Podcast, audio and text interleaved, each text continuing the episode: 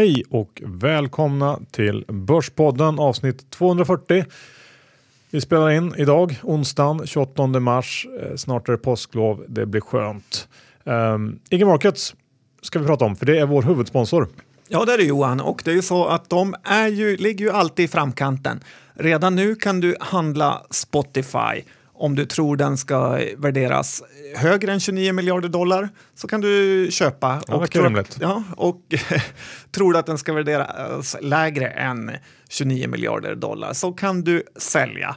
Så att eh, man får ju faktiskt ge IG båda tummarna upp för vad de eh, eh, kommer på för bra grejer. Mm. Jag tror snabbt upp och sen eh, krasch. Okay. Bra IG. Um, ehm, John, vi är också sponsrade av Lysa och eh, vi har haft eh, Lysas vd Patrik här och eh, frågat för vem eller vilka passar egentligen den här tjänsten som Lysa tillhandahåller? Lyssna här. Lysa passar för de som vill ha högkvalitativa och billiga fonder som är svårt att få tag på i Sverige. Man eh, sätter sin investeringsstrategi vid ett tillfälle. Det tar ungefär 10 minuter och därefter sköter vi portföljen. Det gör vi utan intressekonflikter. Det betyder att vi tar aldrig emot eh, provisioner och vi har bara kunden i fokus. Ja, tack för det Patrik. Ja, John, eh, du testar Lysa, eller hur? Ja, jag sparar en eh, tusing i månaden där faktiskt. Väldigt bra. Ja, till dina barn då, typ eller? Nej, de ska inte ha en spänn Johan, det vet du vid det här laget. Helt sant. John, vad kommer vi prata om idag? Ja, idag blir det ju Facebook såklart, det blir H&M, det blir eh, världens sämsta resmål och eh, mycket annat eh, gott och blandat. Faktiskt. Innan vi kör igång så har vi ett erbjudande ifrån Privata Affärer. Kanske årets bästa faktiskt på Nordens största privatekonomiska magasin.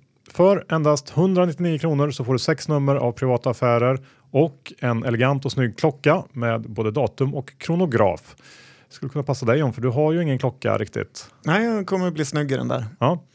Eh, dessutom så får man två nummer av eh, Sveriges ledande börstidning Placeringsguiden och det är ingen bindningstid i det här erbjudandet. Så gå in på www.privataaffärer börspodden om det här låter intressant. Ja, jag ska göra det. Ja, nu kör vi igång dagens avsnitt. Johan Dr. Bass Isaksson, vi har ju en eh, så kallad varannandagsbörs. Index på 1490 nu och det är upp mycket ena dagen och sen går det ner andra dagen.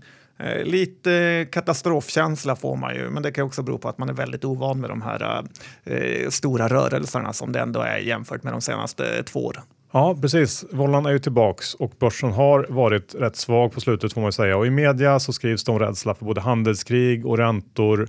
Men jag är inte så säker på att det är det vi verkligen ser just nu. Jag tror helt enkelt att vi har sett toppen på konjunkturen och eh, det finns så enormt mycket obalanser där ute och det här börjar sakta men säkert prisas in eh, och mer ska komma tror jag. Eh, så det, jag eh, ser fram emot vad som kommer att hända framöver här. Eh, kommer prata lite om, om rapportperioden här också senare i avsnittet, om man kan tro om den. Ja, jag älskar ändå ditt självförtroende att efter tre års eh, fel så är du helt säker denna gång. ja, men får vi komma ihåg vad vi har sagt tidigare här för några veckor sedan om folk som tror saker om börsen. De ska man inte lyssna på.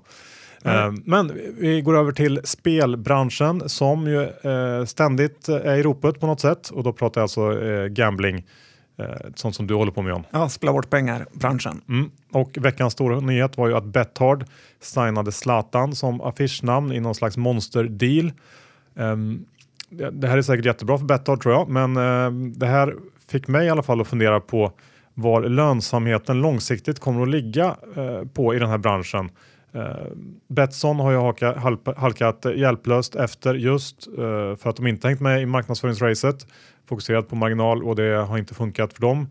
Sen har man nya spelare som eh, Leo och Betthard då som det verkar som satsar, som kör Amazon-strategin och satsar all in på marknadsföring. Och jag vet inte riktigt, det är ju eh, någon slags commodity det här med spel på nätet. Jag har svårt att se att eh, inte marginalen ska sjunka eh, framöver. Nej, du får inte glömma bort Global Gaming som har växt något eh, kolossalt eh, också på eh, precis samma strategi. Ja, precis.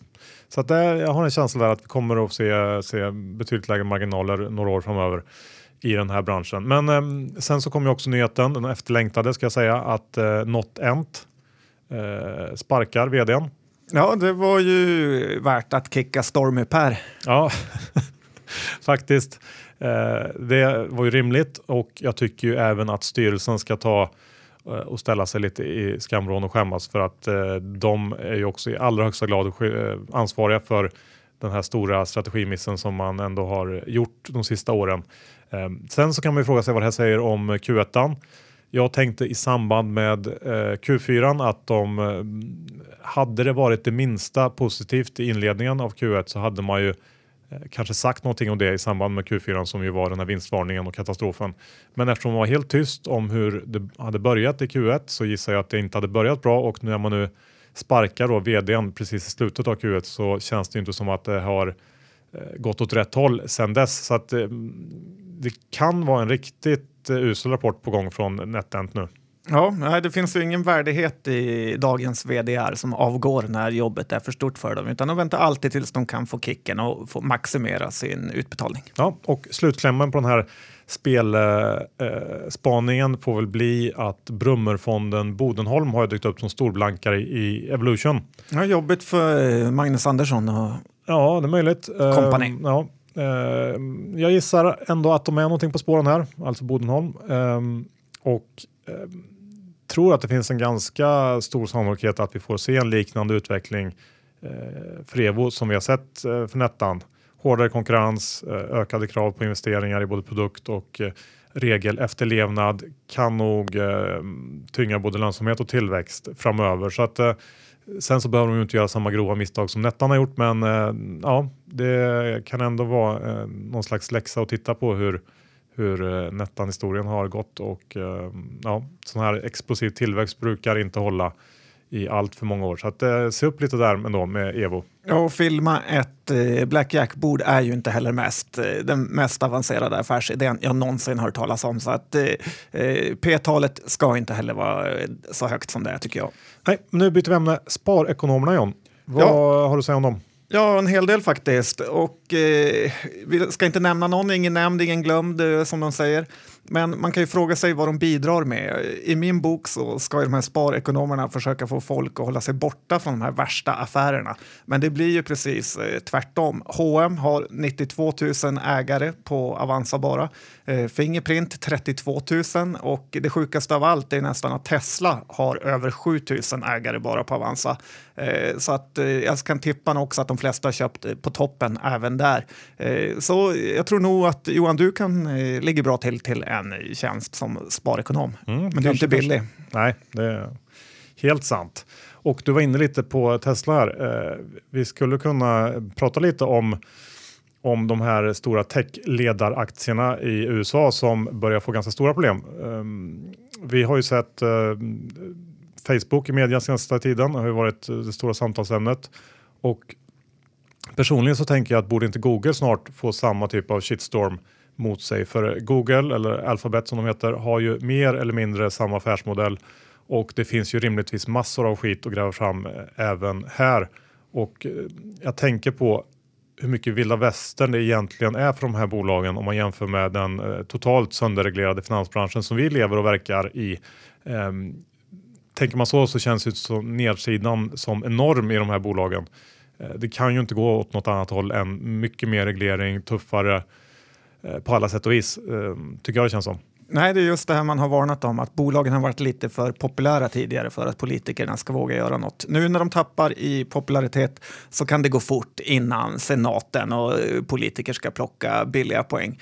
Eh, däremot kan man ju undra om den här whistleblowern eh, på Cambridge Analytics har tagit mycket inspiration av Lisbeth eh, Salander eller kanske på Paradox huvudkontor eftersom han har rosa hår av alla färger.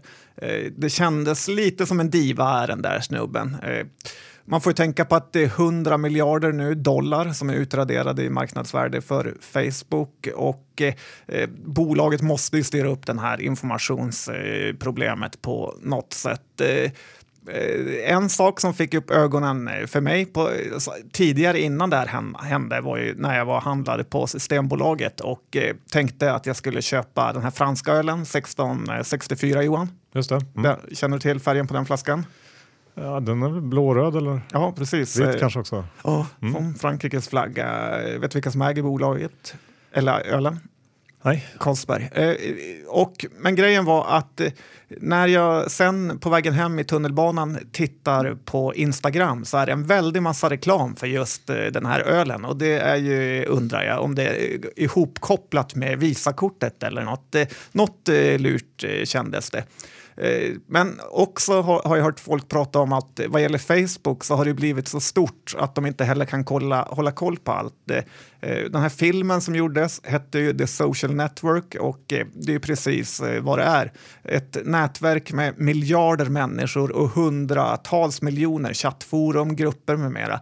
Och det här kan ju bli ett stort problem när det är omöjligt för bolaget att hålla koll på det.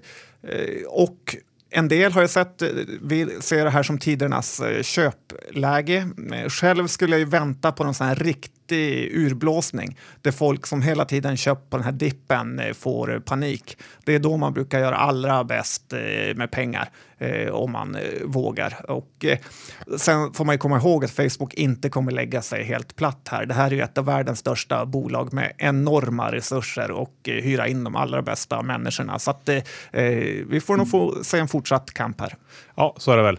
Um, Tesla känns ju som, som det bolag som är nästan värst ut av alla och aktien har brutit ner rejält. Ehm, de hade, tycker jag det känns som en liten lucka i marknaden eh, när de var först här med, med eh, elbilar och eh, hade man lyckats rampa upp rejält under den här perioden så kanske Tesla hade haft en chans. Men jag tycker det bara blir mer och mer uppenbart att det kommer absolut inte att gå för dem. Uh, och kombinerar man det med en balansräkning från helvetet så det finns bara en väg att gå för Tesla och det är ju, uh, ja, det är ju rakt ner. Tesla skulle jag absolut inte äga. Nej, säg det till alla 7000 på Avanza. Ja, nu har jag sagt det. Um, ska vi avsluta första delen John med um, de tre sämsta resmålen? För det är ju lite sådär uh, resetider nu. Folk bokar resor och ja, man vill iväg till solen. Ja, precis. Och eh, likt börsen så vill man ju köpa prisvärda saker, alltså där man får mer än man betalar för och absolut inte tvärtom. Så att här kommer listan på jordens tre sämsta eh, slash mest oprisvärda eh, resmål. Mm, förra. Ja, på plats nummer tre, det är ju Sydafrika. Var du i Krügerparken? Nej, för jag hatar Kry Krygerparken. Jag vill inte åka till andra sidan jorden för att se några halvtama antiloper studsa fram.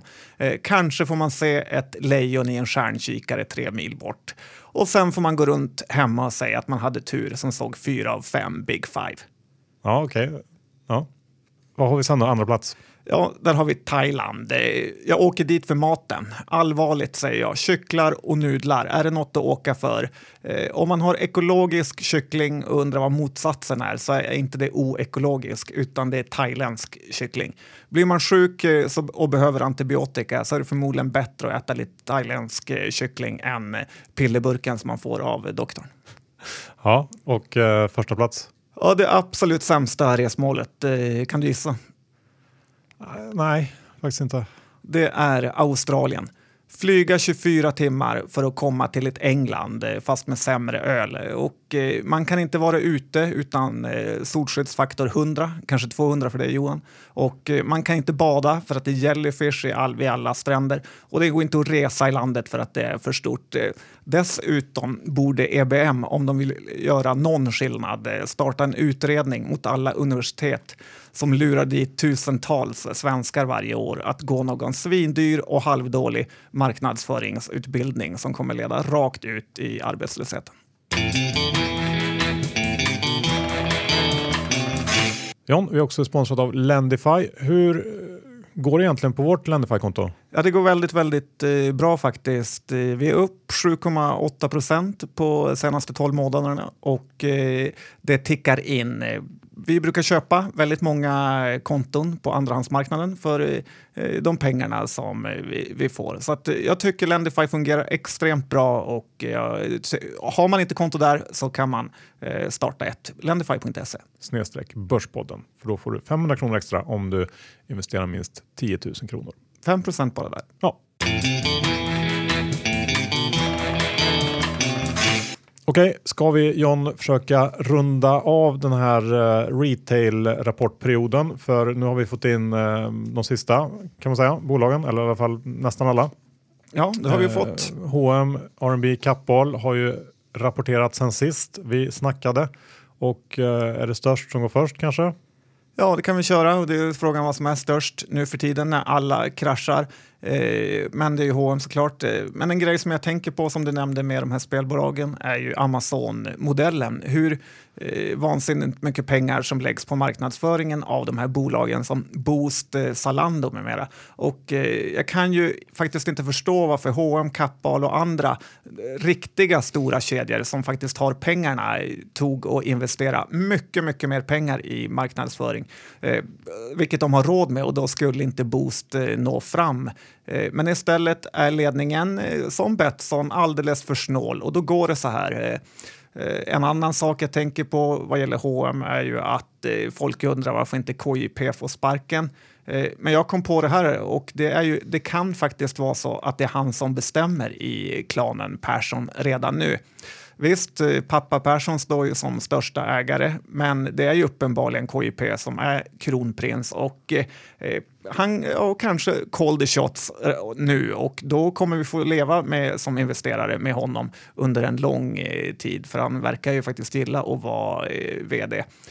Sen det här med krismedvetandet i H&M kan man ju undra på. Det ju, företaget kollapsar Eh, och deras motangrepp eh, öppna en Arket butik och tror att det ska vända. Eh, jag får lite känslan av att H&M bara kommer att gå sämre och sämre och i värsta, värsta fall kan det bli någon typ av Sears vi får se här om tio år. 92 000 avansägare kan ha fel. Det är faktiskt troligare än att de har rätt, Johan. Ja, det är möjligt. Om vi kollar på rapporten då så var ju den kass och den stora missen var som alla nog vet nu eh, fortsatt stigande lagernivåer upp 8% till hela 35 miljarder kronor. Eh, sen så ville ledningen inte heller, eh, och det är för första gången på flera år, kommentera försäljningsutvecklingen under inledningen av eh, det här kvartalet, vilket man nog kan tolka som att vårförsäljningen startat väldigt svagt och det känns väl rimligt eftersom vi har haft ett riktigt kallt eh, väder här under hela mars. Eh, ja, I övrigt kan man konstatera att antalet butiker ökade med eh, 8% netto och like for like försäljningen i dessa föll med ungefär 9 online växte med 20 eh, och bolaget upprepar den här målsättningen om stigande vinst under 2018 jämfört med 2017 och det kan man nog säga att marknaden tvivlar på som det ser ut just nu. Och där håller jag nog med. Rätt svårt att se hur den vändningen ska gå till om inget drastiskt eh, förändras snart. Eh, men vi får se. Jag tycker aktien i sig är mm, lite lurig nu. Jag har svårt att tycka så mycket varken upp eller ner. Uh, utan, men den är, funkar bra att trada på, på rapporter och nyheter i alla fall. Ja, det är bara att sälja så tjänar man pengar. Exakt. Uh, Kappahl då, John, har ju också rapporterat. Här var siffrorna mer eller mindre in line med estimaten. Till skillnad från H&M så har inte Kappahl alls samma lagerproblem eh, Eh, och kommer således inte heller att brottas med eh, marginaltyngande reor i samma utsträckning. Men det finns ju ändå gott om, om eh, andra problem. Like for like var ner 5,5% här. Ebit sjönk ner till 5 miljoner från förra årets 47 och um, ja, i övrigt så är ju, handlas ju Kappahl om vi ska jämföra med H&M till betydligt lägre multiplar. De är nere på ensiffriga nu vilket eh, såklart då speglar osäkerheten i hela den här branschen. Um, och jag såg också att Mellby Gård har fortsatt att köpa aktier i Kappahl och sitter nu på nästan en tredjedel av bolaget faktiskt. Så de verkar inte vara uh, rädda. Men um, ja, det, det, är ju samma trender som uh, man ser i alla de här bolagen. Ja, Kappahl eh, känns ju ändå som ett bolag som är bättre än till exempel MQ.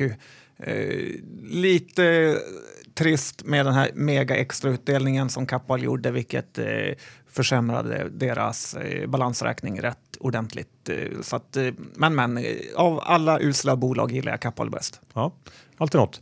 Eh, R&B också, lilla R&B. Eh, hur såg det ut i den rapporten? Ja, nu börjar ju NK kärva också, vilket vi har pratat om länge här i podden. Och jag ser väl egentligen ingen riktig framtid för R&B eller NK heller. NKs grejer är ju nästan de som är lättast att eh, plagiera via nätet. Varför ska man köpa en tigerkostym eller Hugo Boss eh, för två papp dyrare där än på nätet? Och eh, alla som vet något om, om ekonomi och företagande vet ju också att det är vinsten som kommer från eh, den sista försäljningen. Så att om man tappar 20 procent av försäljningen så kanske man tappar all vinst. Eh, och jag kommer heller aldrig glömma vad R&B's vd sa på en bolagspresentation att det första han tänker på när han vaknar är hur de ska tjäna 100 miljoner i ebit. Och ja, då är det nog dags för honom att tänka lite hårdare och på något mer eh, rimligt mål. Ja. Vi går över till veckans IPO.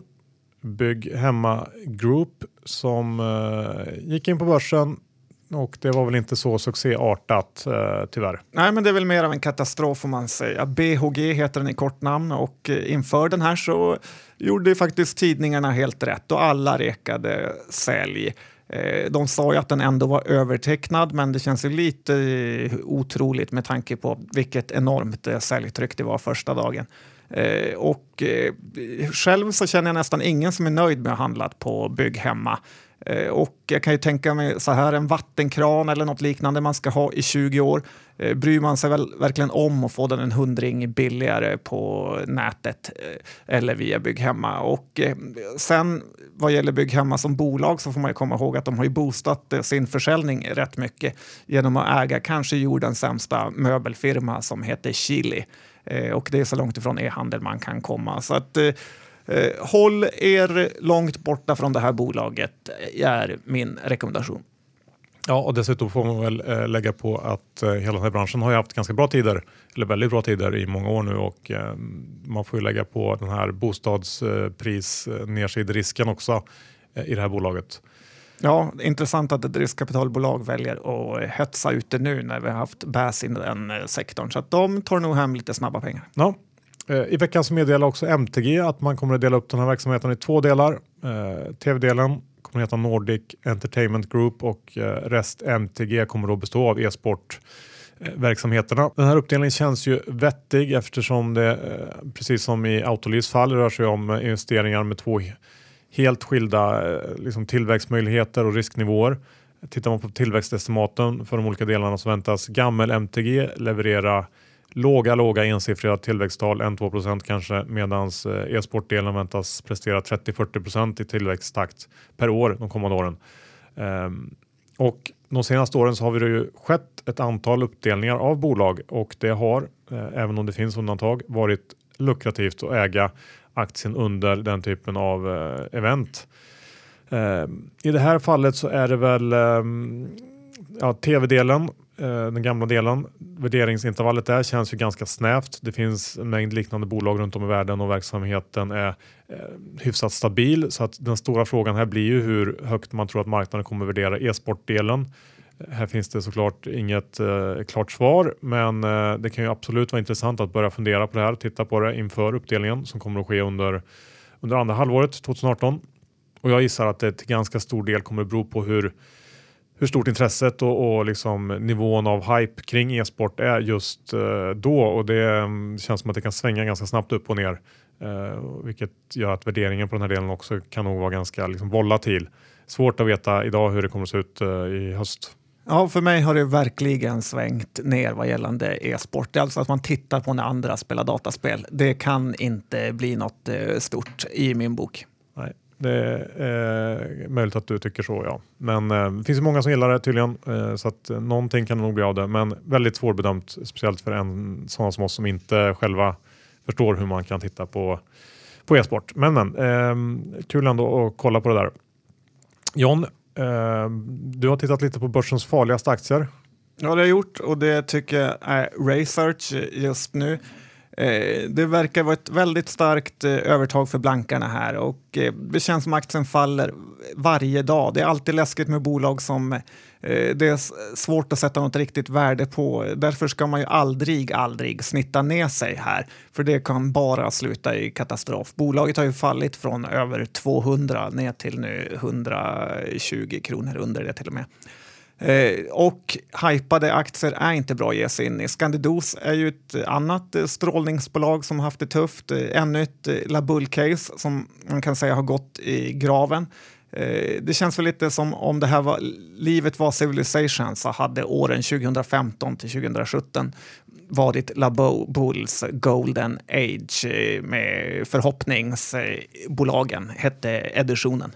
Ja, men det kan jag hålla med om. Men Scandidos är ju ändå... Eh, det är jobbigt att ledningen inte äger några aktier där, tycker jag. Och Eh, försäljningen var svag, men det var ändå rätt eh, väntat eftersom de brukar pressreleasa sina ordrar. Eh, det här är ju ändå en produkt som kan vara något i en bransch som ändå växer.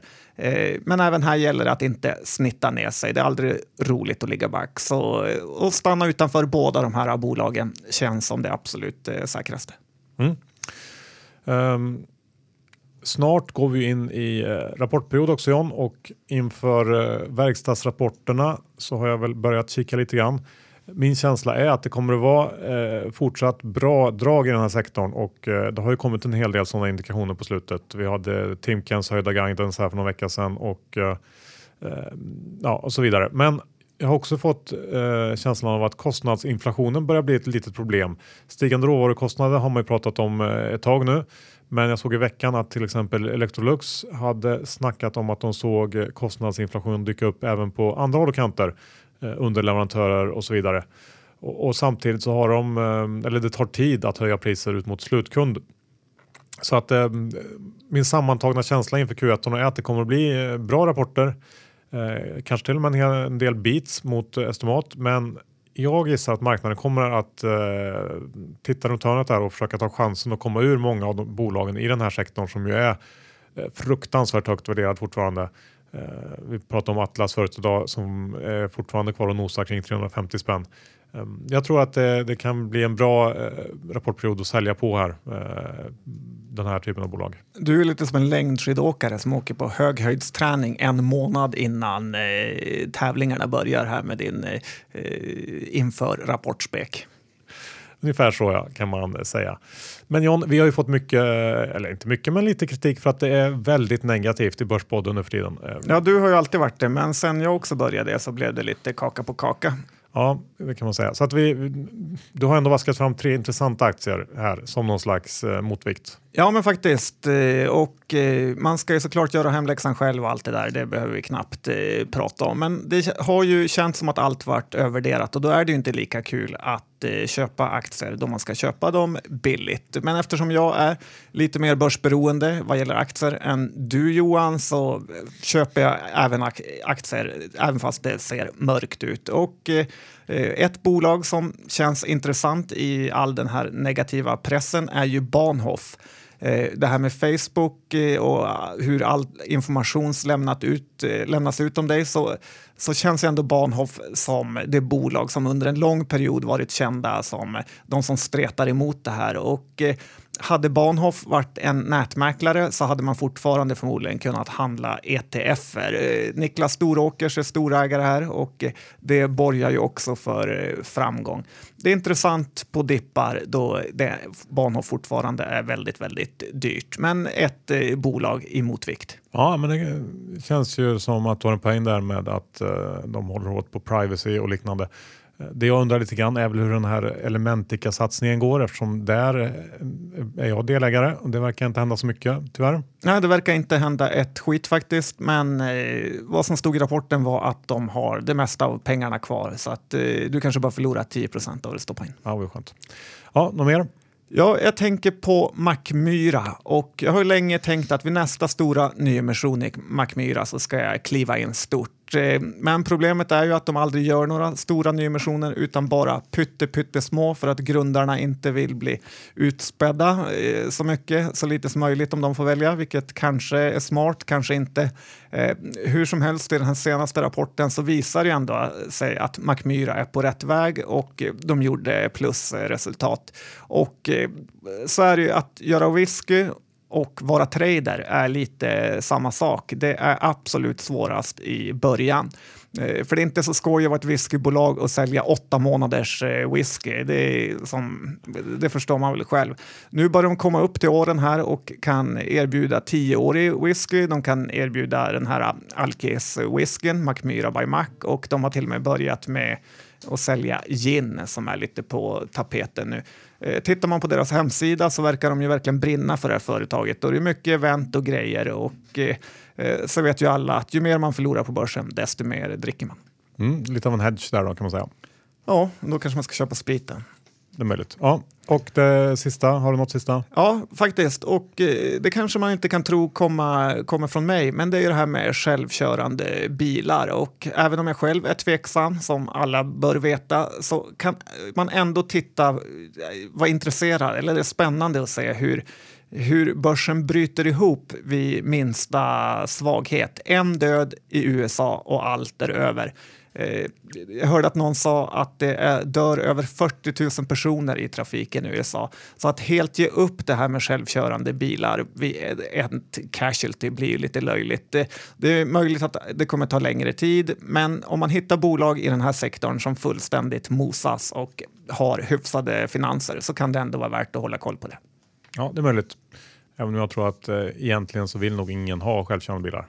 Nej, det är väl det är alltid sagt. Ja. Slut på avsnitt 240. Vi tackar vår huvudsponsor IG Markets. Ja, ladda ner appen, se om Spotify, eh, om du vågar ge dig in där. Bet hard eller vad man ska säga. Ja, och eh, gå in på lysa.se börspodden för då kan du testa den här eh, fantastiska tjänsten till ett rabatterat pris. Det är upp till 20 rabatt i tre månader och eh, ja, John, du gör det, du gillar det. Ja, faktiskt, det är en väldigt bra tjänst, väldigt eh, lätt hemsida. Ja, och för er som är intresserade av privata affärers fantastiska erbjudande, sex nummer av privata affärer, en klocka och två nummer av placeringsguiden för 199 kronor. Ni går in på privata affärer snedstreck börspodden. Gör det nu. Bra John! Eh, Lendify, där är vi alltid aktiva, eller hur? Köper Ja. och säljer konton. Lägg ut ett konto så köper jag det. Ja, Sån är jag. Ja, precis. Eh, andrahandsmarknaden är fantastisk. Gå in på lendify.se börspodden och kika och läs på mer ni också. Verkligen. Har du några innehav bland eh, bolagen vi pratar om idag? Ja, jag har både Bahnhof och eh, Mackmyra. Perfekt John. Jag har ingenting av bolagen vi pratar om idag. Surprise! Yes. Nu får ni ha en eh, trevlig påsk så hörs vi om en vecka igen. Då med en specialgäst. Det gör vi. Hej då!